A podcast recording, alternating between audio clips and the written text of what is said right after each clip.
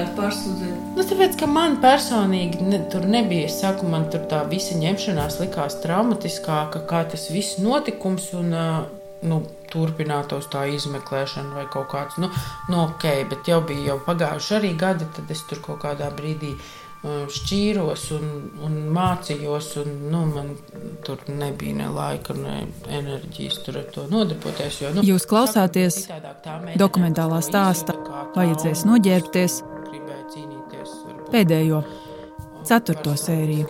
Viņu nu, man kaut kā nu, labi bija, bija visi dzīvojami tālāk. Nu. Tā ir vēsture. Kāda jēga pārsūtīt? Visticamāk, tas rezultāts būs tāds pats. Nu, tagad iet tur, mēģināt kaut kur tur pierādīt, ka tāpat tās visi skatās tā, tā kā bišķiņa jocīgāk un nekas labi priekškam. Agnese 2013. gada augustā saņem policijas paziņojumu, ka krimināla process ir izbeigts un nolemj, ka tālāk viņa neies. Ka nav tur pietiekami tie pierādījumi vai kā. Un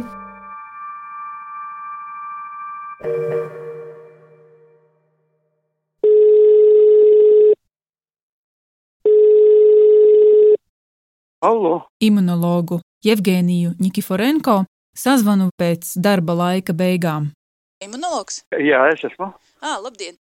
Uh, es esmu uh, Justīna Savicka no Latvijas radio. Es gribētu norunāt interviju ar jums, ja jūs. Uh, diemžēl man, mums nesanāks, tāpēc, ka nu, laika trūkuma dēļ. Laika trūkuma. Varbūt kaut vai. Ārsts sarunai nepiekrīt bet, bet un nav dzirdējis pat tematu. Esmu ļoti aizņemts. Es strādāju no 9 līdz 8 vakarā. Jā, tad varbūt uh, pēc astoņiem? Nu, nepaldies Dievam, ne. Atvainojos, lūdzu, es tagad nevaru ilgi runāt. Sazvanīt viņu vēlāk vairs neizdodas, tādēļ sūtu viņam īsziņu. Labvakar!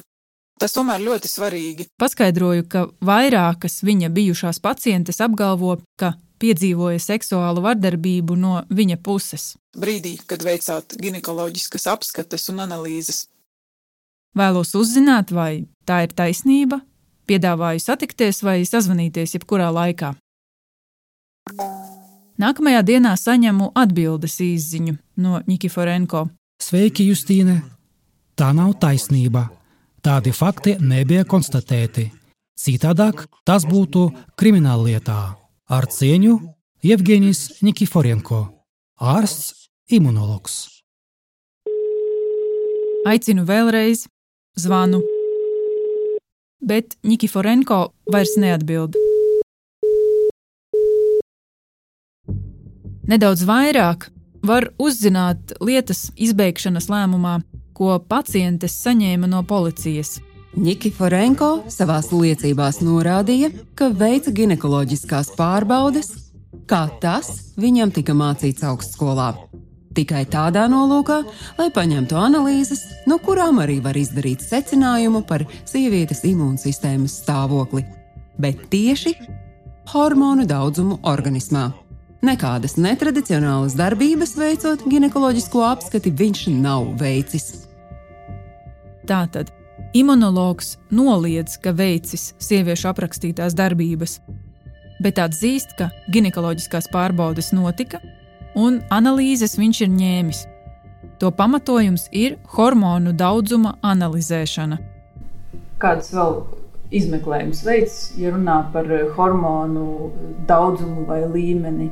Organismā? Tās varētu būt visbiežāk tomēr asins analīzes, pēc kurām mēs varam spriest, kā olnīca strādā, kā strādā noteiktās smadzeņu struktūras, kas dod komandas olnīcām, un noteiktos cikla laikos mēs zinām, kuri hormoni ir jānosaka un kādos līmeņos viņiem būtu jābūt, lai mēs spriestu, ka sievietes cikls strādā punktuāli un labi. Tā ir ginekoloģe un dzemdību speciāliste Vija Veisa. Es strādāju Rīgas dzemdību namā un Katlapas ārstu praksē, un esmu Latvijas ginekologu un dzemdību speciālistu asociācijas vadītāja. Vai ir vēl kāds hormonu analīžu veids, kas tomēr būtu saistīts ar ginekoloģisko apskati? Faktiski, ja mēs tiešām runājam tā jau diezgan šauri un specifiski, tad ārste Veisa saka, ka ir. Var šīs apskates laikā, kuru mēs veicam ar instrumentu, tad ar spogulīti, var ar dievu katetru arī iegūt tā saucamās dzemdes dobuma šūnas, jeb veikt endometrija aspirātu. Tas jau ir cauri cervikālajam kanālam no dzemdas dobuma, un tad šo materiālu sūtot uz laboratoriju un specifiski izmeklējot šūnas, mēs varam saprast, vai tās šūnu izmaiņas atbilst konkrētajai cikla dienai. Un tas mums ļauj domāt, vai sievietes cikls strādā pilnvērtīgi vai nestrādā pilnvērtīgi. Šādu sasaisti es spēju iedomāties. Neviena no ārsta bijušajām pacientēm šādu procedūru nav aprakstījusi. Par tādu nav ziņu arī veselības inspekcijas ekspertīžu atzinumos, kur analizēta medicīniskā dokumentācija un pieprasīti ārsta paskaidrojumi. Fakts, ka šim ārstam nemaz nav certifikāta, kas ļautu veikt šādas apskates, lietas izbeigšanas lēmumā nav pieminēts. Toties ārsts izmeklēšanas laikā policijai stāsta, ka karjeras sākumā esot praktizējis par ginekologu, pēc tam pārkvalificējies par terapeitu, un savā praksē viņš ir strādājis ne tikai par lāzerterapeitu un imunologu, bet arī par kardiologu. Viņam esot arī certifikāti, kas ļauj veikt dažāda veida medicīniskas manipulācijas un veikt analīzes laboratorijā. Tā laboratorija. Veselības inspekcijā jau noskaidroju, ka ārstam tiešām ir bijis laboratorijas ārsta certifikāts, bet tikai līdz 1999. gadam. Ir derīgs imunologa certifikāts. Inspekcijas sabiedrisko attiecību pārstāvei Elīnai Ermansonai Lūdzu pārbaudīt, vai Nikiforenko ir bijis certifikāts vēl kādā citā specialitātē, un man atbildēja, ka nē. Bet tas nav viss, ko ārsts saka policijai. Viņš apgalvo, ka veicot ginekoloģisku pārbaudi, ir ritmiskas kustības. Ir ritmiskas kustības, pirkstus virzot iekšā, ārā. Vai ir kaut kāds medicīnisks iemesls, kādēļ šīs apskates laikā tiktu veiktas ritmiskas eh, kustības, virzot pirkstus uz priekšu un atpakaļ. Nē, es nezinu tādus iemeslus, kādēļ tā būtu jādara. Kā skaidro ginekoloģija Veisa, apskate arī nesākas ar iztaustīšanu. Pirmajā daļā ginekologi parasti izmanto kādu instrumentu. Tiek izmantots parasti šis te Eh, ginekoloģiskais spogulis, kas katrai sievietei ir sterils, vienreiz lietojams un, un, un pēc eh, izmeklējuma tiek utilizēts. Vai Nikiforenko apskašu laikā izmantojis kādus instrumentus? To sievietēm policijā jautāja, un pacientes atbildēja noliedzoši. Vienīgais, ko atcerējās dažas, ir vates kociņš. Sievietēm viņas eh, teica, ka veica analīzes uz ureaplazmu. Kā to dara? Jautāju ginekoloģijai Vijai Veisai. Ja tas notiek ārsta apskates laikā, tad eh, tas visdrīzāk ir šajā pirmajā daļā, ko es jums stāstīju, izmantojot ginekoloģiskai apskatei spogulīti. Tātad, ievedot to vagināli, mēs redzam dzemdes kakliņu, un tad no dzemdes kakla kanāla arī tiek ņemtas šīs analīzes, tajā skaitā izmeklējuma mūrā plazmai analīzes paņemšanai tiek lietots vatas kociņš, pavisam smalks. Jūs tagad visi mēs gandrīz vai esam pazīstami ar covid testēšanu, jau un šo tievo smalko it kā kociņu, tad kaut kas līdzīgs tiek lietots arī, lai paņemtu analīzes no zemes kakliņa, no urīna izvada kanāla. Um, nu, tai arī vīrietim uh, īstenībā, ja tā tad tiek lietots speciāli uztriepu paņemšanai tādi smalki, smalki kociņi. Ja. Mm -hmm. Ureaplazma ir otrs apskašu un analīžu pamatojums, ko atceras pacientes. Zīles gadījumā nepieciešamību šīs analīzes veikt apšauba arī veselības inspekcija. Ekspertīzes atzinumā inspekcija secina, ka imunologam ne tikai nebija tiesību pašam veikt uztriepju noņemšanu, bet arī nebija, citēju, medicīnisku indikāciju to darīt. Inspekcija raksta, Pēc ierakstiem medicīniskajā dokumentācijā nav norādīts, ka pacientai būtu sūdzības, kas apstiprina urīna ceļu infekciju. Turklāt inspekcija norāda, ka šādas analīzes zīlē jau bija veiktas. Tas, par ko stāsta pilnīgi visas pacientes, kuras runāja ar inspekciju un policiju, ir ginekoloģiskās apskates. Veselības inspekcijai un policijai to veikšanu apstiprināja arī pats ārsts. Bet sieviešu stāstītais par šīm apskatēm atšķiras. Kristīne un Ērika neatceras, ka ārsts būtu veicis ko vairāk par iztaustīšanu, kas atgādina ginekologa izmeklēšanu. Viņš man saka, jā, ja tu ķerties nost. Un tas man tā, kā? Un es saprotu, ka es, nu, man bija, cik man bija gadījis, 8. gada, 21. jā, bet, nu, es tā, un es saprotu, ka, nu, nebūs labi, bet es viņam nevaru pateikt, ka es tik, tikko pirms minūtes teicu, jā, nu, labi, nodosim analīzi, un teicu, ka man liek ķerties nost, un es nevaru pateikt, nē, es neģērbšos nost, jā, es iešu pie cita ārsta vai kā, un es tā kā es piekritus, jā, un es ģērbjos nost, un,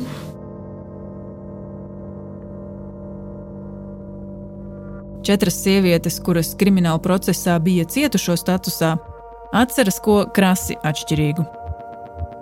Lūk, Agnēs teiktais. Tajā brīdī pat līdz galam kā, nu, es nesapratu, kas notiek. Nu, vienkārši ir tā apskate, nu, mazums varbūt tur netīšām mm, uzspiežās, pieskarās vai kā. Nu, vienkārši tajā brīdī, kad man sākās orgasms, tad es sapratu, ka nu, tehni, nu, tāds manuāls tehnisks uh, orgasms, tad es sapratu, ka Nē, nu tas tā kā nevarētu būt gluži netīšām. Jā.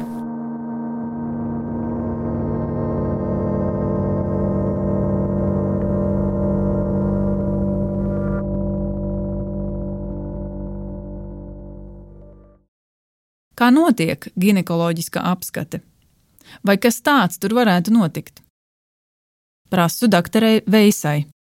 Otra apskates, jeb izmeklējuma daļa, sastāv no izmeklējuma ar rokām, jeb šī manuālā izmeklējuma, jeb mēs medicīnā to saucam par palpāciju, citiem vārdiem sakot, iztaustīšanu, kad tā tad ārsts ar vienas rokas pirkstiem, vagināli tos ievedot un ar otras rokas palīdzību taustot vēdera priekšējo sienu, var saprast gan dzemdes lielumu, gan novērtēt to, vai ir kaut kādi veidojumi, vai sievietei ir kaut kāds sāpīgums, kas notiek ar olnīcu rajoniem, vai tur ir taustāmi kādi veidojumi, sāpīgums.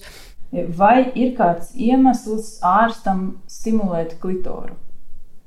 Nē, nu, noteikti apskates laikā nē kā ir novietota roka. Vai ir kaut kāda iespēja, ka, nu kā, ka nejauši pieskaras vai ilgstoši nejauši pieskaras? Jūs domājat, klitoru rajonam jā. tieši? Tam tā nevajadzētu būt. Nē, tam tā nevajadzētu būt. Ārsts policijai apgalvoja, ka neko tādu, kas pacientiem varētu orgasmu izsaukt, nav darījis. Un nesot arī ko tādu pārbaužu laikā konstatējis. Šīs process pret mani ir kaut kāda provokācija. Nevienam neko ļaunu nesmu darījis. Nesaprotu, kāpēc notiek šāda apmelošana. Agnese atceras, ka ārstam par savu ķermeņa reakciju prasījusi. Es viņam arī pēc apskates pajautāju, nu, vai tas ir iekļauts. nu, tā kā normāli tāda būtu jābūt apskatē, uz ko esmu šeit. Jums uh, viss ir kārtībā ar veselību, tāpēc nu, tā neizplūstot īpaši. Tolaik Agnesei bija 26 gadi. Viņa devās studēt, un tagad pati strādā medicīnā. Pēc uh, profesijas vecmāte no vienas puses jāsaka, ka, protams, ka ginekoloģijā un zemniecībā ir ļoti trausla robeža starp to, lai kāds to izprastu kā vardarbību pret sevi, jo ir kaut kādas manipulācijas, kas vienkārši ir jāveic un citādāk nevar.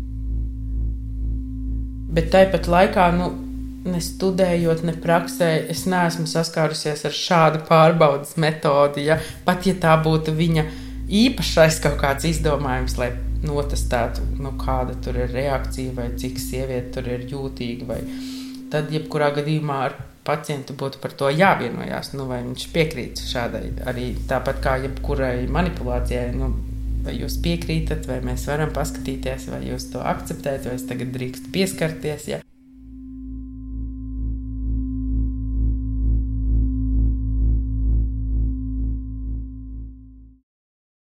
Pēc izbeigtās krimināllietas sūdzību par policijas lēmumu prokuratūrai iesniedz divas cietušās - Zīle un Anda.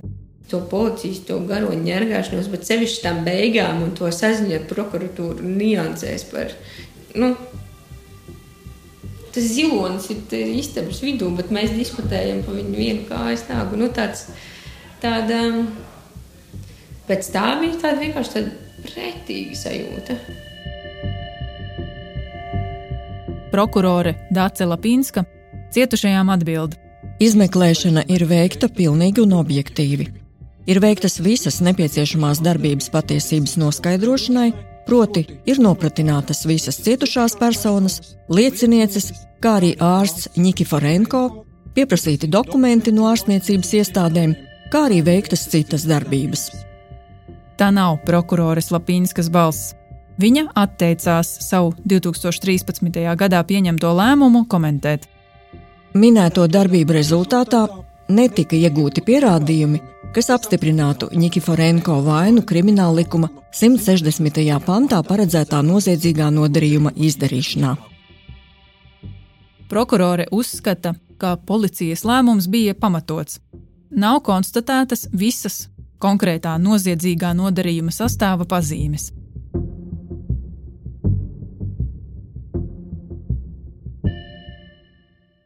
Kā šeit ir rakstīts, ka nav iegūti pierādījumi, ka veicot šo apskati, apmierinājis savu dzimumu tieksmi. Likumdevējs eh, šo rezultātu, ja tā var teikt, ja, eh, sastāvā nav ietvēris. Krimināla tiesisko zinātņu profesorei Valentijai Liholajai lūdzu palīdzību saprast, ko prokurore raksta, atbildēja Andai. Šeit nav īsti pareizi. Šeit vajadzēja, vajadzēja teikt, ka vispār nav konstatēts tāds nodoms apmierināt savu dzimumu tieksmi. Nevis nav konstatēts, ka viņš apmierināja. Ja? Ko tas nozīmē? Nav konstatēts tāds nodoms. Nu, šajā gadījumā, ka tās darbības nav veiktas. Nu, nē, darbības ir veiktas, ja, bet, bet pierādījumi neapstiprina, ka tās ir veiktas nolūkā apmierināt savu dzimumu tieksmi. Ja. Ja būtu tā uzrakstīts, tad būtu skaidrs, ka nav konstatēta subjektīvā puse. Ja? Bet, ja ir uzrakstīts, ka nav konstatēts, ka viņš apmierināja savu dzimumu tieksmes, ja, nu tad uh, likumdevējs jau to nemaz neprasa. Pantā ir tikai darbības norādīts.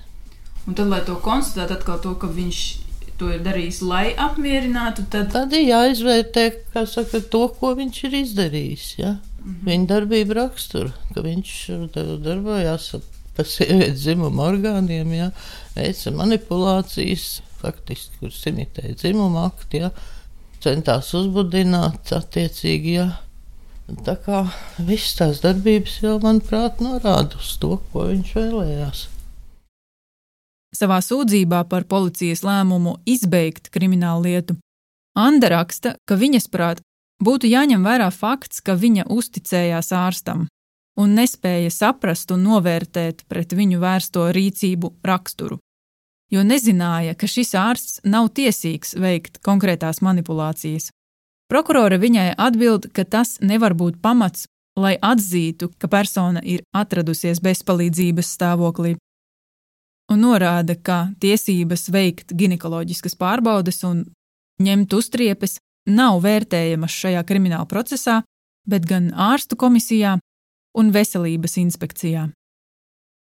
Tālāk atbildēja uz sūdzību prokurore Lapīnska norāda, citēju: Iztrūkst krimināla likuma 160. panta pirmajā daļā paredzētā noziedzīgā nodarījuma objektīvā puse. Ko tas nozīmē? Tā ir atbilde, ja, ka iztrūkst objektīvā puse. Manuprāt, objektīvā puse ir. Ja tās darbības eh, ir tādas, kuras var izdarīt pie šī noziedzīgā nodarījuma. Ja? Bet kāpēc viņas bija izdarīts? Ja viņš saka, ka eh, tas ir pieņemts medicīnā, ja eh, citi kas saka, speciālisti uzraugošie saka, ka tas nebija jādara, ja, ka tas ir pārkāpums vis visāds, ja, nu tad te vajadzēja būt jautājumam, kāpēc viņš to darīja. Bet tas te nav. Un es nepiekrītu, ka nav no objektīvā pusē. Ja. Nav atbildes uz to, kāpēc šīs darbības tika veikts. Vai kam noticēja viņam, vai, vai tiem, kas teica, ka tā nebija jādara. Ne Anna, ne Zīle prokuroras lēmumu nepārsūdzēja. Jauna profesija, jauna laulība, divi mazi bērni. Tā kā filmā, no tā bija kaut kāda viena dzīve, un tagad ir cita ir ļoti daudz ko intensīva, un, un ir daudz lietas, par ko tiešām es tā kā viņam nu, prasīju, tad tā, ah, jā, nu kaut kas tāds bija. Agnesi notikušais nav īpaši ietekmējis. Man tas nav tā baigi traumatiski. Nu, tā manā atmiņu failā ir tāda pieredze, un tas liek domāt par to, ka tādas lietas notiek. Jo, nu, kamēr tas ar tevi nenotiek, tev liekas, ka, nu, Tas ir absurdi. Nu, kā tā var būt? Nu, taču katrs tur, nezinu, īpaši mediķis strādā pēc labākās sirdsapziņas. Jā.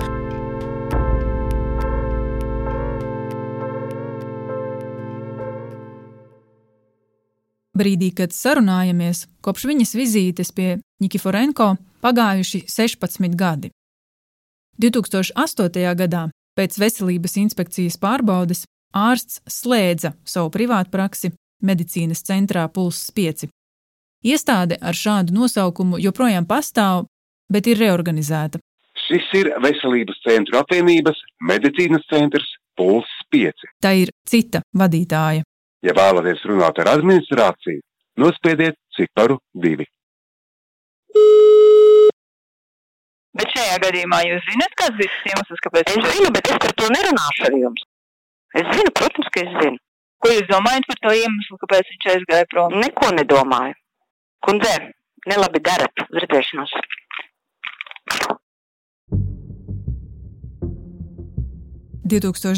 gadā šajā lietā iesaistās ārstu biedrība. Un man bija nu, paskatās, kad es rakstīju ārstu biedrībai. Tas ir februāris. Biedrības ētikas komisija skata Andas sūdzību par Nikiforenko. Bija, bija, bija tāda lieta, jā. Cik es atceros, tad tika uzklausītas abas puses. Ziniet, es diemžēl nevarēšu jums palīdzēt, jo es kaut kā nesevišķi atceros to gadījumu. Neviens toreizējās komisijas dalībnieks neatceras kādas īpašas detaļas, un dokumentu biedrībai vairs nesot kāpēc lai es atcerētos? Nē. Un par to, ka viņš strādā, a, varbūt tai sievietei ir kaut kāda mānija un kaut kāds iemesls nīst to vīrieti, un viņa tagad desmit gadu garumā dzenā viņu par seksuālu uzmākšanos. Nu, tā tā arī ir. tā tā arī ir. Iemīlēt ārstos vīriešus, tad nesko sadzēd un iztantazē, un tā kā tas nenotiek, tad raksta sūdzību par to, kas vispār nav bijis. Ir arī tāda gadījuma. Komisija uzklausa pacienti Andu un ārstu Nikiforenko. Un Anda saņem šādu ārstu biedrības ētikas komisijas atbildi. Ārsta imunologa specialitātes nolikums neparedz ginekoloģisku izmeklēšanu. Tāpēc uzskatāms, ka Nikiforenko darbībā ir rupji profesionālās ētikas pārkāpumi, un viņa darbība ir nosodāma. Beigās komisija norāda, līdz atbildes saņemšanai no Veselības inspekcijas un Latvijas Republikas prokuratūras ir dotas rekomendācijas darba devējam un profesionālajai asociācijai, ka ārstam Nikiforenko savā specialitātē pieļaujams strādāt bez tieša kontakta ar pacientiem. Vai es ar Ivaru Upi runāju? Taisnība. Jūs 7., 8., 9. gadā bijāt uh, ētikas komisijai priekšsēdētājs, vai ne? Ārstu biedrībā. Jā, nu, tā bija, jā. Nu, tas, ko jūs pateicāt, to es tik daudz atceros, jā, bet kas tur tālāk, es nezinu. Mēs savu darbu izdarījām, ar to vieta ētikas komisijā beidzās. Vai imunologu asociācija šo rekomendāciju saņēma? Tā sacīt, kā, kad man būtu smutē kaut ko runājam, dzird, bet nē, es esmu kādu papīru redzējusi, nekādu rakstu, nekādu oficiālu ziņu saņēmusi, tādas lietas nav. Tā ir toreizējā imunologu asociācijas vadītāja Simona Doniņa. Un to man arī telefoniski apstiprināja sekretāri, nu, kur atcerās tomēr tos dokumentus, ko viņi tā saņem. Un es pilnīgi droši varu teikt, ka man noteikti arī nekas tāds nav rādīts, un ka mums nav bijusi arī nekāda kopsapulce, kur kaut ko uh, tādu mēs izcirzātu. saprotiet arī, jo mums nav nekāda interese aizstāvēt cilvēku, ja kā man teikt tāda lieta, ja, teiksim, kurš ir iesaistīts. Mēs arī gribam, lai mūsu biedri, lai mūsu speciālisti būtu arī, teiksim, normāli ārsti, ja, nu, ne ar kādu arī, teiksim, reputāciju vai, nezinu, kā tu vispār var raksturot, ja, ja tā ir, nu, diezgan nopietna lieta. Bet, kā paskaidro Margarita Citoviča, viņa ir imunologu asociācijas certifikācijas komisijas sekretāre, nerekomendēt ārstu resertifikācijai nav bijis pamata. Jūs saprotiet, arī mums, tā kā tagad ir jūsu vārds, nu, pacientes vārds, ja, pret, eh, teiksim, eh, ārstu biedrības vai, nu, teiksim, viņa, es ar viņu nebiju runājusi, ja, ar kolēģi, ja, bet, principā, nu, teiksim, krimināla lieta ir izbeigta, ja, rekomendācijas mums kādas eh, nebija, ja, nu, tā kā, kāds pamats vispār, kāds pamatojums kad tu nezini, kā rīkoties, un tad rīkojas pēc likuma. Ja? Pēc savas prakses slēgšanas ārsta vienīgā darba vieta krimināla procesa izmeklēšanas laikā ir Stradiņa slimnīcas klīniskās imunoloģijas centrs. Vai tas saņem ārstu biedrības rekomendāciju, nav zināms. Bet ārsts slimnīcā turpina strādāt līdz 2010. gadam, un tad darbu pamet. Kāpēc? Komentētāja ar segvārdu vēl viena bijusī paciente DR.CLV interneta fórumā raksta: Padomājiet paši, ja šī doktora rīcība būtu medicīniski un cilvēciski korekta un adekvāta, tad jau no stradiņiem viņu neatlaistu. Paciente savā komentārā apgalvo, ka par ārstu 2010. gadā Stradiņa slimnīcai tikusi uzrakstīta sūdzība, un tās dēļ Nikiforenko esot atlaists. Viņas rakstītais ir patiess. Stradiņi novembrī tiešām saņem kādas pacientes sūdzību par Nikiforenko izmeklēšanas metodēm, pārrunā to ar ārstu, un viņš pēc trim dienām pamet darbu Stradiņa slimnīcas klīniskās imunoloģijas centrā pēc appusējas vienošanās. Bet vai viņš katru dienu strādā, vai tur ir kaut kādas konkrētas dienas, kurās viņš ir? Nu, varbūt jūs zināt, viņš var, strādā pirmdien, otrdien, ceturtdien, piekdien. Labi, paldies. Un tas Jā. darba laiks ir tā kā, tā kā jums līdz četriem vai tur vakarā? Vai, no nu, viņš pieraksta, viņš reizēm pieraksta deviņos vakarā, reizēm nu, gadās, ka cilvēkiem ir ekstra vajadzības, tad viņš pieņem savādāk. Visādi gadās. Skaidrs, jāsazvan, skaidrs. Jāsazvan labi, labi, sapratu. Paldies. Jā, paldies, vislabāk. Tieši fakts, ka ārsts joprojām pieņem pacientus, Andai nav pieņemams. Nav man baigās ietekmes spējas, uz to, kas notiek pasaulē, bet tad man likās, ok, bet tas veids, kā viņš to vardarbību izdara, nu, viņš neķer vērtrūmēs, cik es zinu. Es nedomāju, ka viņš tas cilvēks, kas ir bīstams uz ielas. Vai vēl kaut kas, man liekas, viņš ir bīstams ārsta praksē, tur, kur cilvēki nonāk kā pacienti. Līdz ar to man svarīgākais, tas, ko es sagaidīju, bija tas, ka šis cilvēks vairs nevar praktizēt kā ārsts, kontaktē ar pacientiem. Vai ārstam pienākas resertifikācija? Par to spriež profesionālā asociācija. Šajā gadījumā imunologu asociācija. Viņi izskata ārsta iesniegtos dokumentus, izvērtē tos un ziņo ārstu biedrībai. Ja asociācija ārstu rekomendē resertificēt, ārstu biedrība pieņem lēmumu to darīt. Un tieši viņi var certifikātu anulēt. Bet priekšlikumu anulēt certifikātu var iesniegt citi, gan profesionālā organizācija, tā šajā gadījumā būtu imunologu asociācija, gan ārstniecības iestāde, kurā cilvēks strādā, arī veselības inspekcija, kas veica piecas ekspertīzes par ārsta Nikiforenko darbu.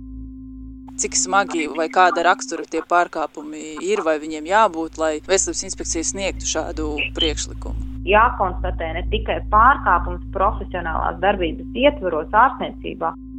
Elīna Ermansone.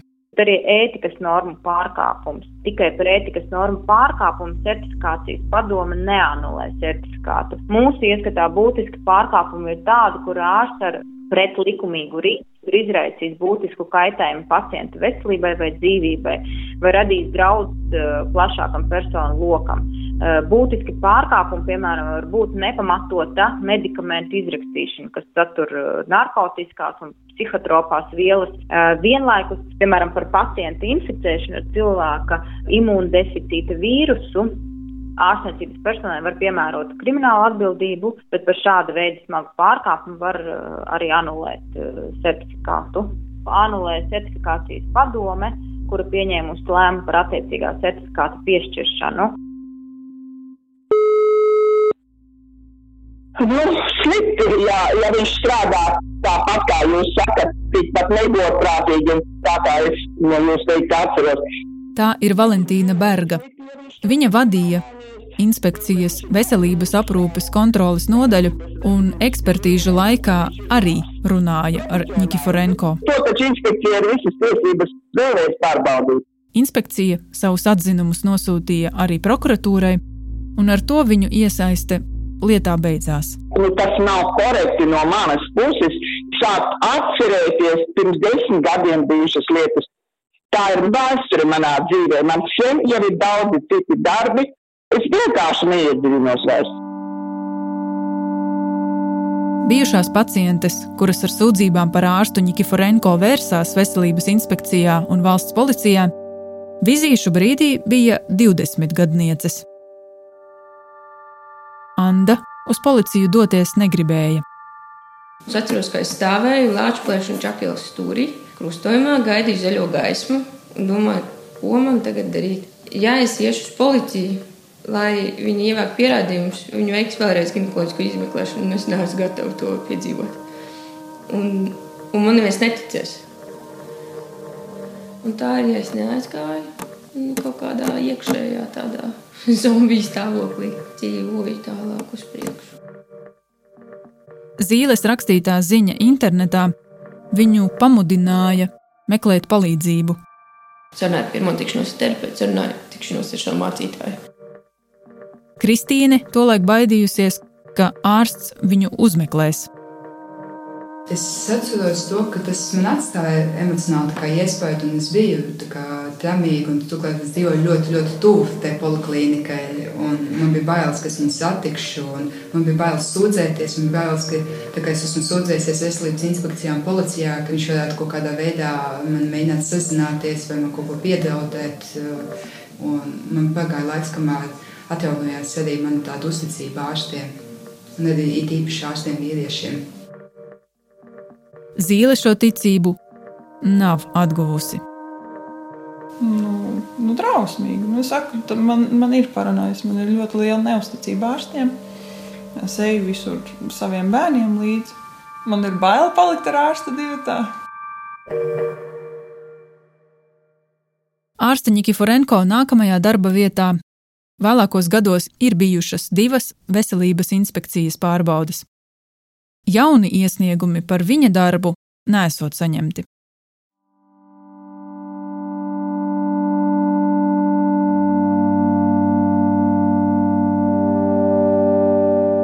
Šī ir dokumentālā stāsta, vajadzēs noģērbties pēdējā sērija. To veidoju kopā ar Baltijas pētnieciskās žurnālistikas centru Rebaltika. Nu, es tiešām cerēju uz to labāko. Šis stāsts ir tapis Latvijas radio podkāstam Dokumentārijas. Un ka atsauksies vēl daudz citas sievietes, kas ir cietušas. Un ka vispār sabiedrība sapratīs, ka mums ir jādomā līdzi nu, tādā ziņā, ka mēs nevaram akli uzticēties ārstiem. Diemžēl. Skaņu režisors Ivo Tauriņš, producente Anita Brauna. Mani sauc Justīne Savicka. Un Varbūt līdz ar to atsauksies cilvēki nesaistīti ar šo lietu, bet ar citiem ārstiem.